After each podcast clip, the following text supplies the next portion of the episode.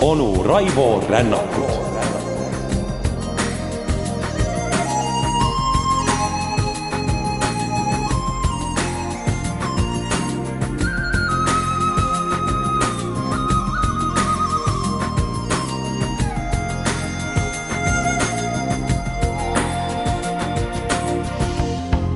ja tere hommikust taas, head sõbrad! kevad hakkab eh, tasapisi lõpupoole liikuma ja lõppemas on ka need segased, porised ja sumbused ajad, vähemalt loodame nii. ja lõppemas on ka eh, meie rännak eh, käsikäes ennustaja Nostradamusega, kes on samuti meile toonud no pigem siiski süngevõitu ennustusi. ehkki on erinevaid, nagu me oleme aru saanud nii et tõesti, tõesti, kutsun ma teid endaga sedapuhku viimast korda rändama selle selgeltnägijaga. ning sedapuhku viib meid esimene nelikvärss ehk Katrään numbri all nelikümmend neli aastasse tuhat kuussada nelikümmend neli ja see kõlab sääraselt. ema kotkast tõrjuti telkide ümber, võõrad linnud parvesta ümber, simblite trompetite, fanfaaride melu rumala daami mõistusele äratab. ja need read viivad meid seitsmeteistkümnenda sajandi Rootsimaale.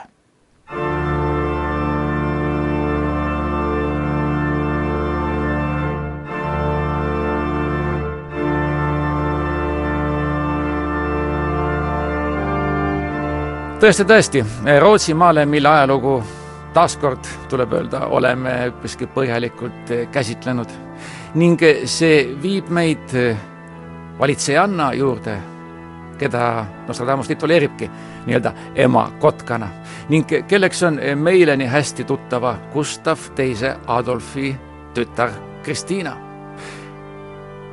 Teame ju, et Gustav Adolf, kes langes Lütseni lahingus ning oli tuntud oma surmapõlgavate ratsaväerünnakute poolest ning kes kinkis, nagu me teame, ka meie armsale Maarjamaale ülikooli, kasvatas oma eh, tütrest eh, nii-öelda poisstüdruku.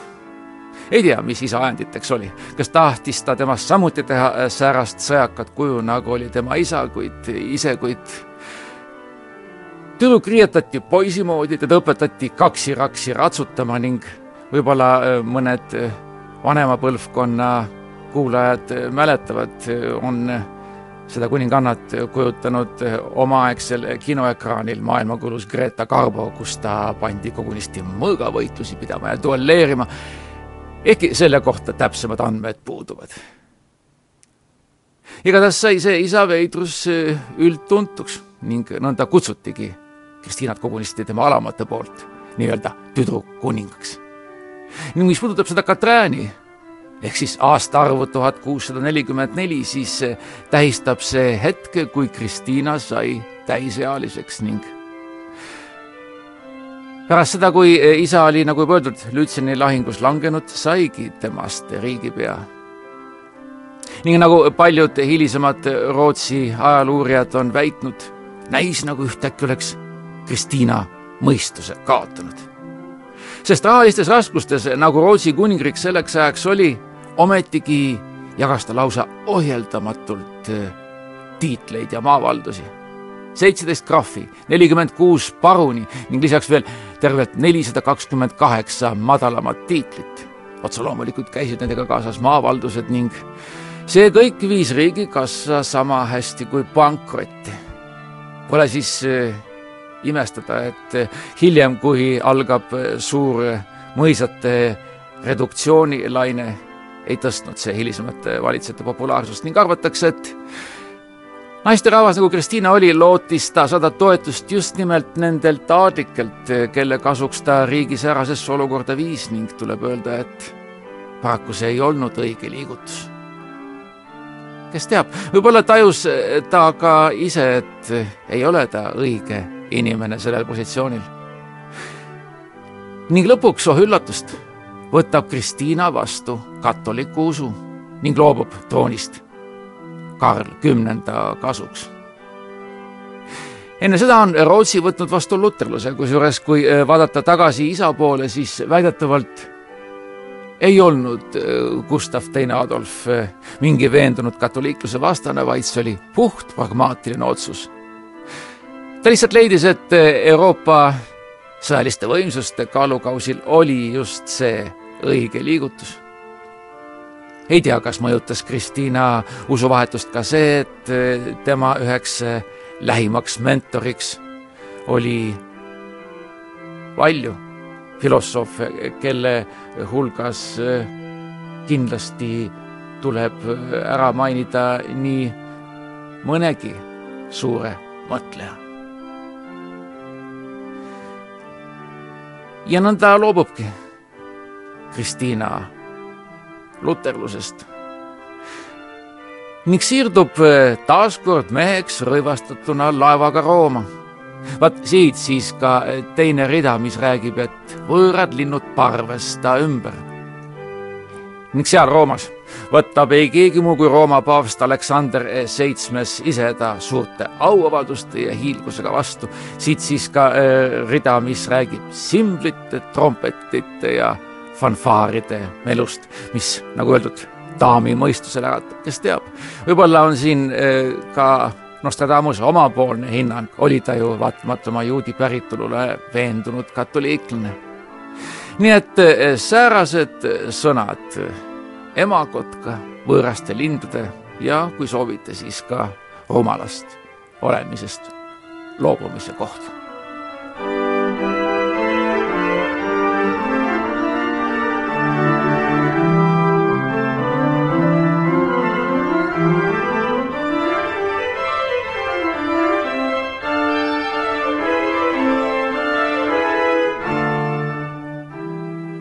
Ning nüüd Katrin numbriga kolmkümmend kaheksa, mis viib meid aastasse tuhat kaheksasada kolmkümmend seitse, oleme varemgi rääkinud, et eh, Nostradamusel on lubatud eh, väikesi eksimusi nii-öelda aasta võrra ja eh, siit siis seegi.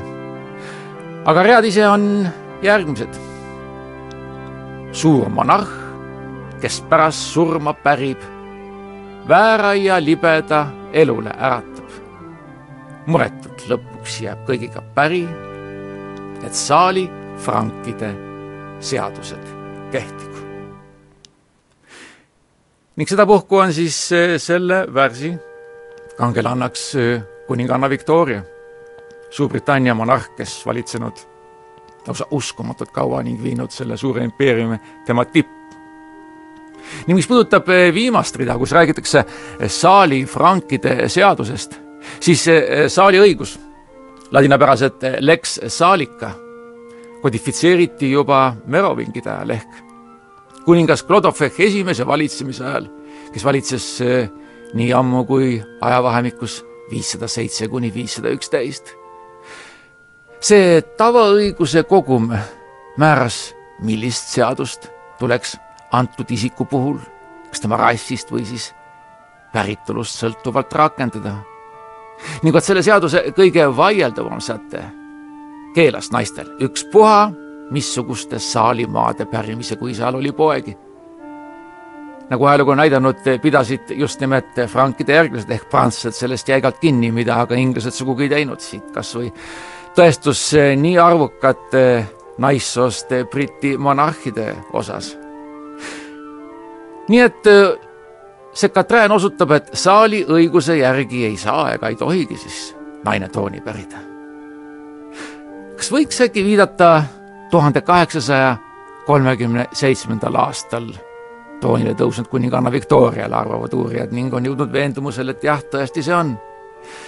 olgu öeldud, et eh, kuninganna Victoria elas sedavõrd kaua, et eh, Walesi prints, tema poeg Edward Seitsmes, täpselt samamoodi nagu ka praegune Walesi prints näis ootavat terve igaviku, kuni ta lõpuks kuningaks saab ning ka praegune olukord on üpriski sarnane. ehk erinevalt praegusest Walesi printsist oli toosama Edward tuntud kui praalija ja liiderdaja ning siit ilmselt siis ka viide teisele reale. väära ja libeda elule äratab. Õnneks aga ei takistanud, nagu juba öeldud, see saaliõigus Victorial troonile tõusta ning just mainitud tuhande kaheksasaja kolmekümne seitsmendal aastal kusjuures see ei laienenud üldsegi mitte Hannoveri troonile. on ju teada, et äh, pärast seda, kui ühtäkki Inglismaal ei ole ühtegi paslikut äh, monarhikandidaati, hangitakse see kaheksateistkümnendal sajandil hoopiski Saksimaalt, Hannoverist. no ta tulebki siis troonile Georg Esimene, kes ei oska sõnagi inglise keelt. ning muide, Victoria Hannoveri troonile ei pääsegi, vaid pidi selle loovutama kuningas George vanimale pojapojale Cumberlandi hertsogile.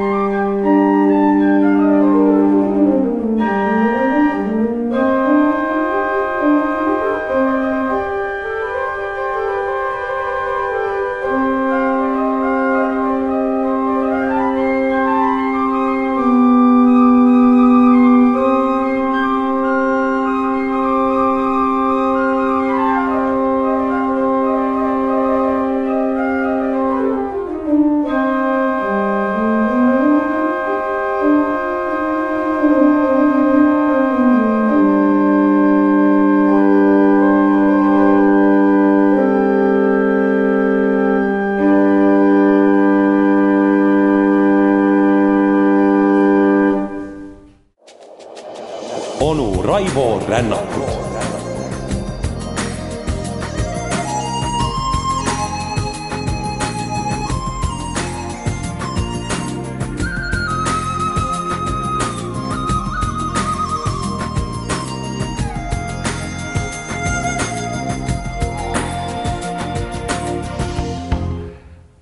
pagendatud naine valitsema naaseb, vaenlasi vandeseltslaste seas tema aeg võidukam kui kunagi varem.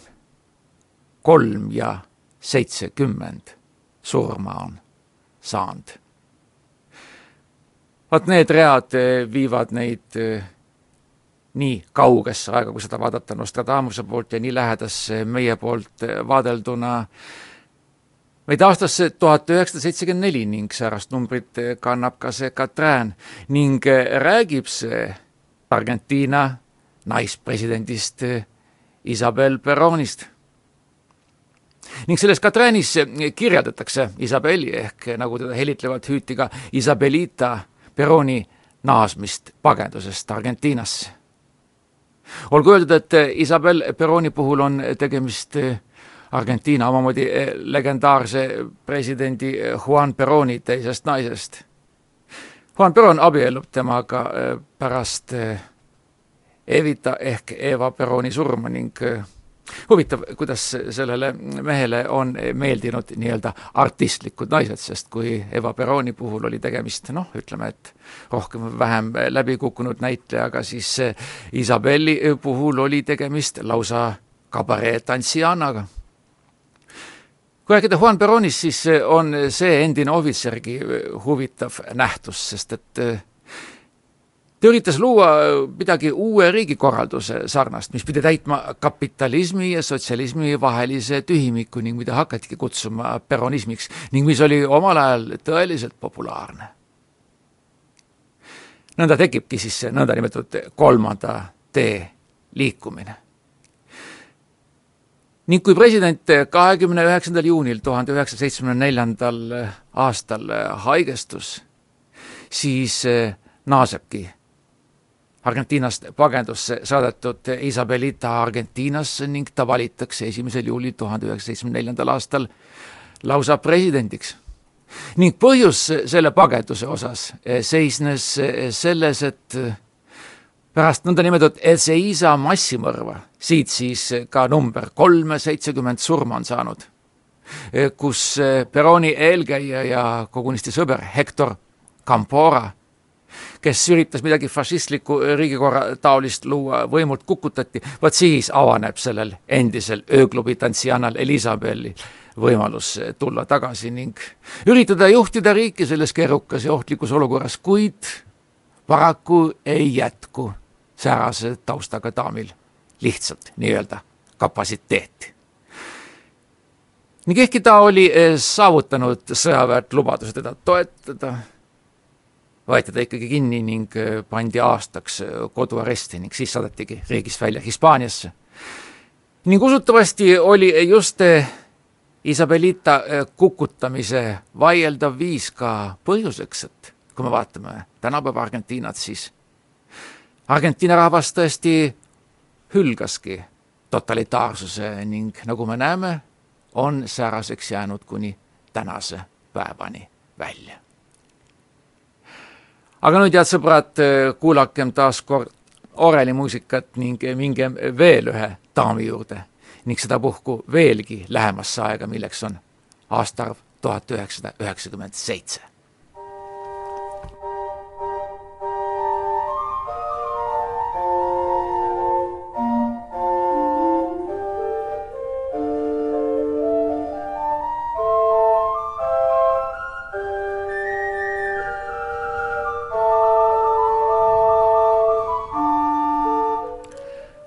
samal aastal, kui Merkuur, Marss, Veenus retrograadis.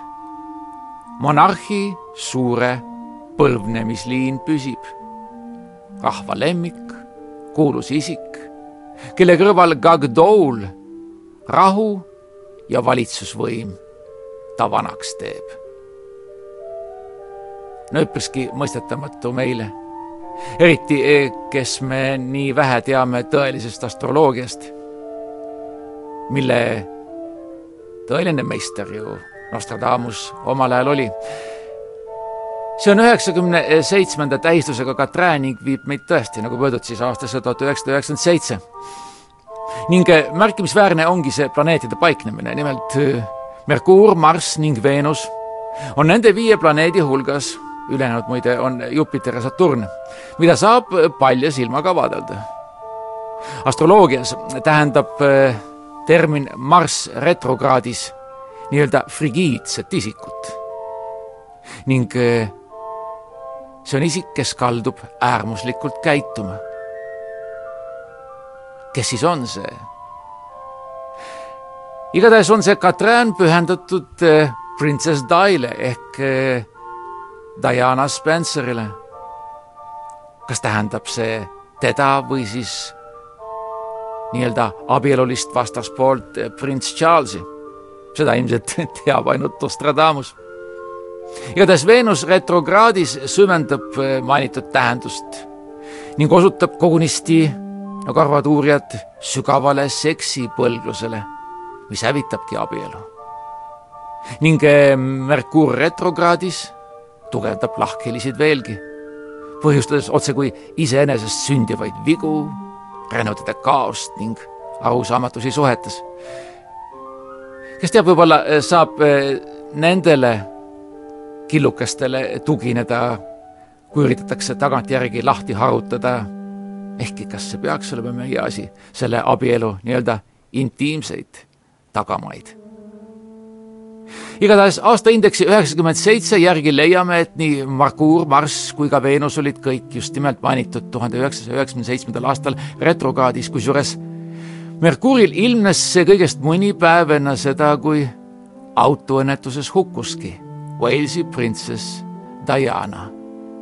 muide, eh, kolmas rida, mis kõlab Es le du peuple lusitan près de Gagdol, siis see, see lusitaan võib-olla ka tuletissõnast usite, mis tähendab hästi tuntud ning tan väga. ning mis puudutab eh, suure monarhi põlvnemisliini, siis eh, osutub tõenäoliselt eh, see esiemale kuninganna Victoriale. ehkki siin võib olla ka teine tõlgendus, sest pangem tähele, kogu see Hannoverite suguvõsa viib meid ju Gotha Coburgi suhteliselt äh, marginaalsete nastja juurde ning ärgem unustagem ära, et äh, Diana ehk Spencerite suguvõsa pärineb oma juurtega hoopiski Stewartest endist, nii et otsustage ise, kelle suguvõsa on siis suurem. ja ometigi arvatakse, et eh, see Gagdol on prints Charles, arvestades tõika, et gage tähendab vana prantsuse keeles panti või tõotust ning see dool omakorda pettust. nii et nagu me näeme, mõistatused hõljuvad meie ümber praegugi.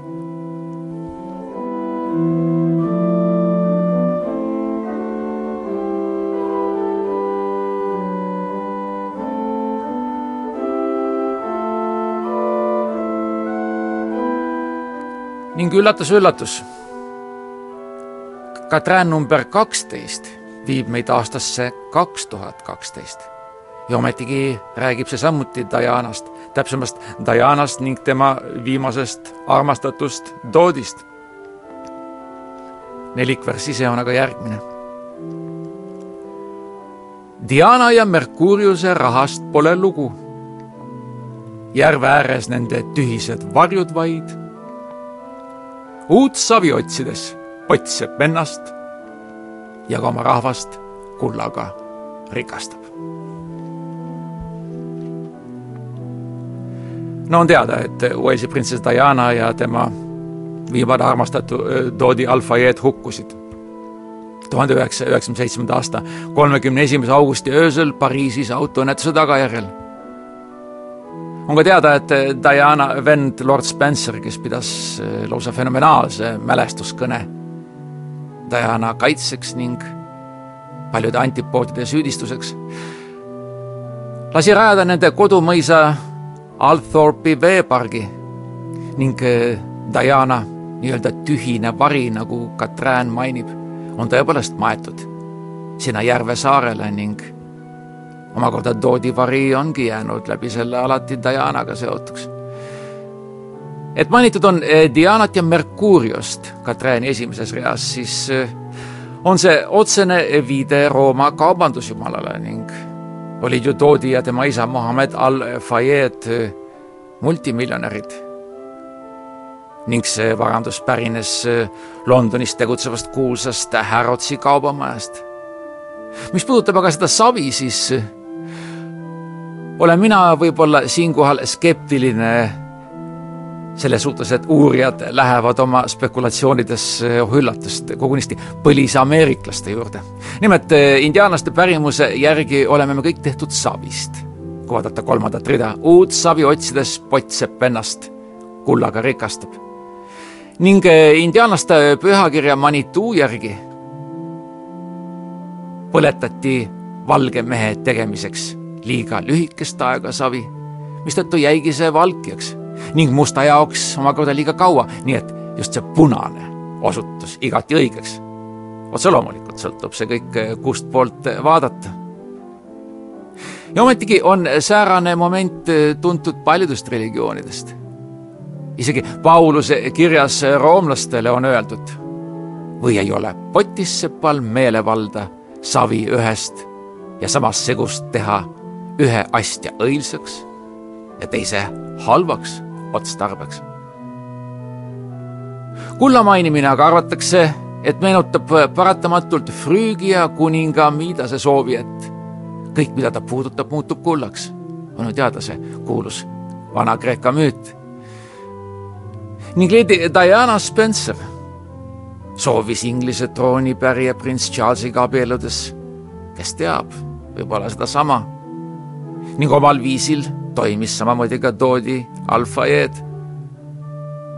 lähenedes oma kullaga, kui soovite, siis kuldjuukselisele Dianale.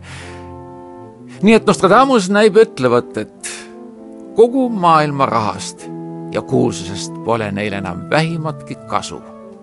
Neist on jäänud ainult tühised varjud Althorpi veepargi memoriaalkabelis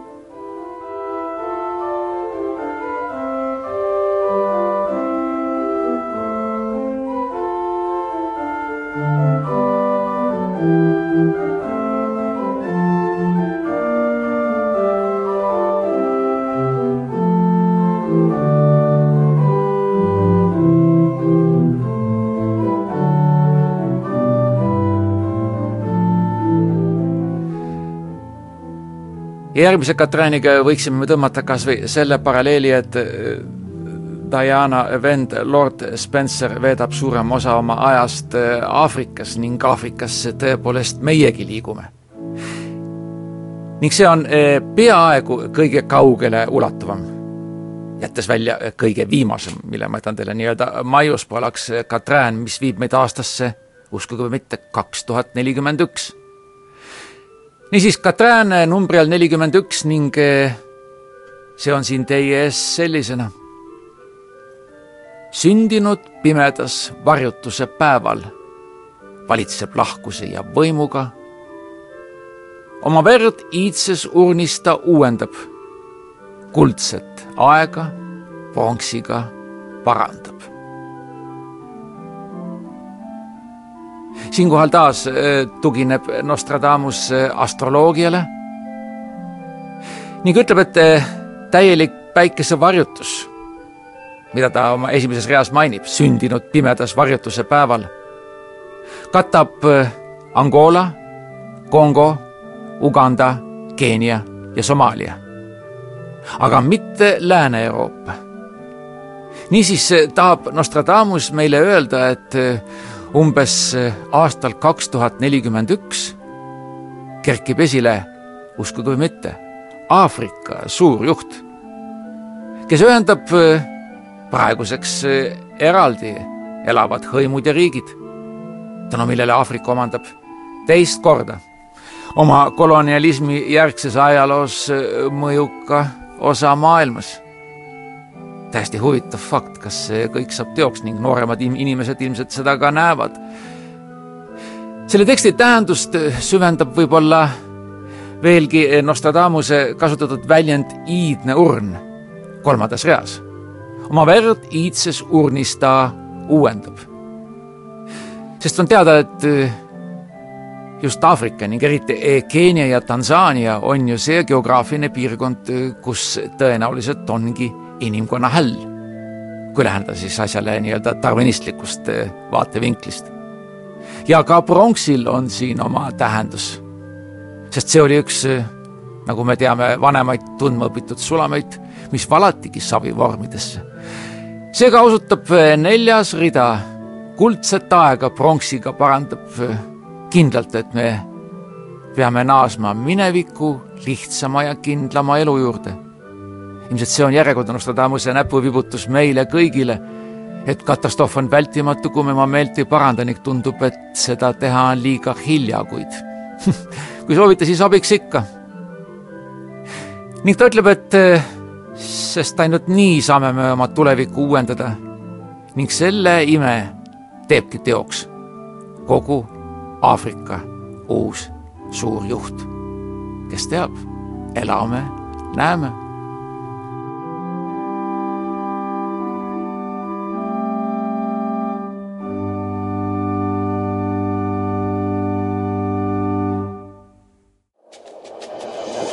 Raivo Rännakut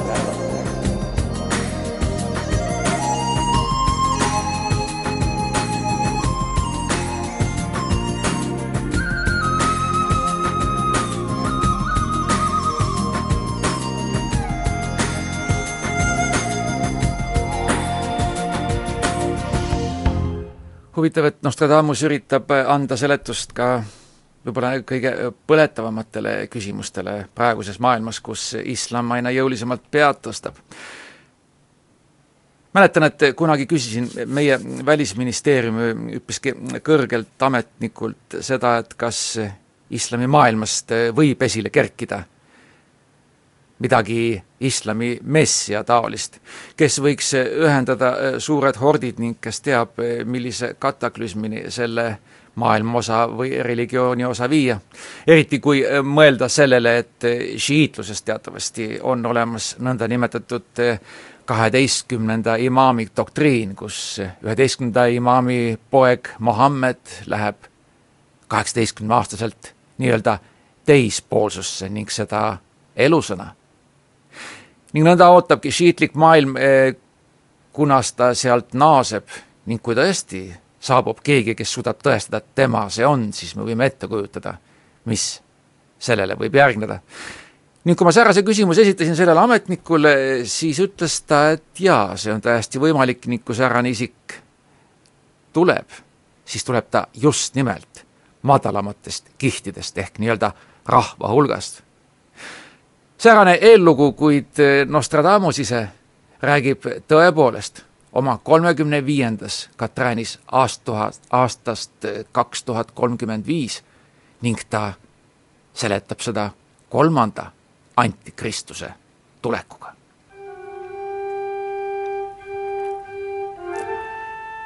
sügaval Euroopa lääneosas sünnib vaestel vanematel laps. ta oma keelega paljusid hullutab, tema mõjukus idakuningriikides üha suuremaks saab.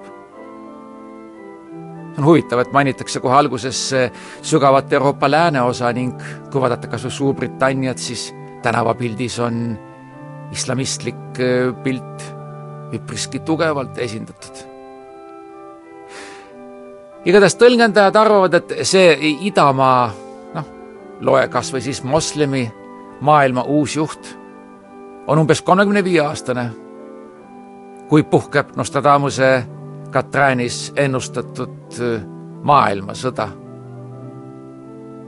maadelt kaalude võimu all saabub suur sõda, mis mägesid pöörab. ja kogu Bütsants halab koidikul üle maailma. nõnda räägib ta oma Katräänis viis seitsekümmend aastast kaks tuhat seitsekümmend ning ta tõesti arvab, et eh, islami läänepoolsest diasporaast eh, tulebki tähelepandamatu antikristus. olgu öeldud, et eh, Nostradamuse järgi on kaheks esimeseks, nagu me oleme varemgi maininud, Napoleon Bonaparte ja Adolf Hitler. ning et see mainitud isik tänu oma karismaatilisusele ja äärmisele sõnaosavusele ühendab oma lummava sõnajõuga kunagise Osmanite riigialad ning ohustab kogunisti USA ja Hiina domineerivat seisundit. ja vot see põhjustab katastroofilise tuumasõja, mis nii-öelda mägesid pöörab. selles Katranis häirivad eriti kolmanda rea sõnad.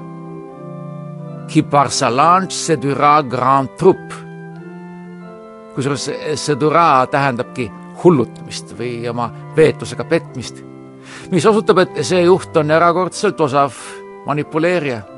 samuti neljandas reas olev sõna brü, mis tõdeb, et tema reputatsioon ei ole ausalt välvitud, vaid hoopis kuuldustega suureks puhutud.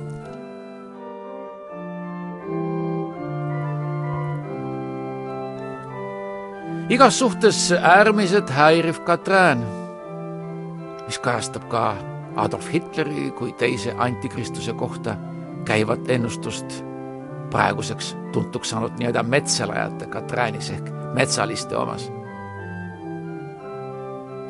mitte kusagil pole Nostradamus maailma nii kategooriliselt äh, tulevase, kes teab, ehk uue kataklüsmi eest hoiatanud. seda tunnistab ka tema mõistujutt, milles vihjatakse peidetud sügavustele ja salamanipulatsioonidele. ehk Nostradamus ütleb meile, et kolmas antikristus on juba sündinud ja liisk langenud. ja kui juhtu imet, siis on maailma tulevik vägagi lohutu. ees ootab üleilmne sõda ja enneolematu ulatusega ökoloogiline häving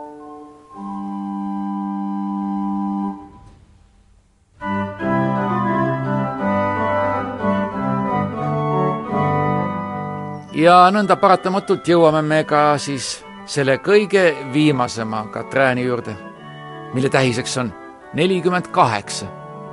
ning oh üllatust, see viib meid aastasse, pange tähele, seitse tuhat nelikümmend kaheksa.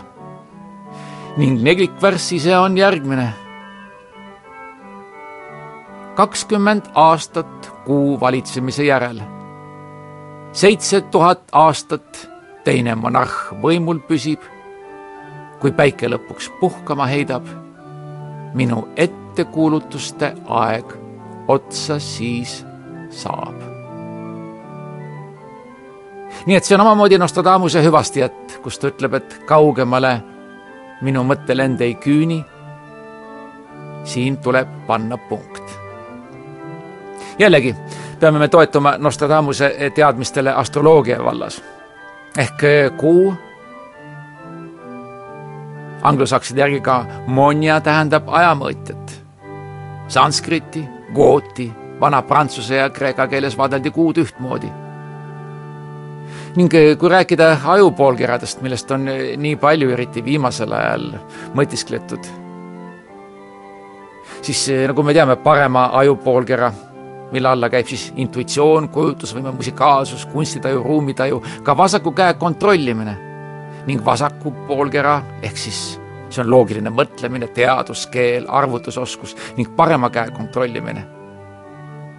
Nende funktsionaalsust eristades peeti kuud pigem mehelikkuse ning vasaku poolkera kui naiselikkuse ja parema poolkera jõuks. samamoodi arvasid ka araablased, slaavlased, hindud, mehhiklased ja muide ka leedulased teisest küljest aga iseloomustas päikest eriti keldi ja alambretooni mütoloogias just nimelt naiselik aspekt ning omamoodi lakkamatu kartus, et müütiline hunt Fenris ta ära õgib. vaat sellest siis ka need varjutused, nende pelgamine, nende järgi ennustamine. Kusjuures keldid uskusid, et päike saab ühel päeval tütre Hes hakkab tema jälgedes valitsema ning taas läidab väsinud maailmas uue elujõu. no see peaks nüüdsel kevadisel hetkel, kus me praegu oleme, justkui sisendama lootust. ja ometigi teatab Nostradamus meile, et kuidas siis võtta, kas kaugel või lähedasel ajal, aga just nimelt sellel kaheksandal aastatuhandel on maailma asjades lõpp lähenemas. ning eh, nagu suur mõtleennustaja ise väidab, on see tegelikult kestnud väga lühikest aega ega jäta endast mitte mingit jälge. ja et eh, see suur tsivilisatsioon, mille me oleme loonud, kaob jälgi jätmata ning loodus täidab selle tühja koha. vaat säärased olid need mõtisklused, head sõbrad. otse loomulikult ei ole mina oma pead pandiks panemas, kas tõlgendajad on kõike lugenud õigesti ning isegi neid siin uurides olen leidnud oma peas nii paljusid küsimärke ning ilmselt seda tõlgendusruumi jätkub meil veel pikkadeks-pikkadeks aegadeks, kuid isiklikult olen ma veendunud, et mitte ükski teooria ei ole tekkinud ei millestki. kõik seisneb ainult oskuses, kuidas seda kõike lugeda. ning kes teab, võib-olla meie järeltulijad suudavad eh, kõikvõimalike tarkvarade abil veelgi paremini seda lahti muukida, kuid kui võtta nüüd kõik kokku ning mõelda, kas me selle väikese rännaku toel ka pisut targemaks saime, siis kindlasti.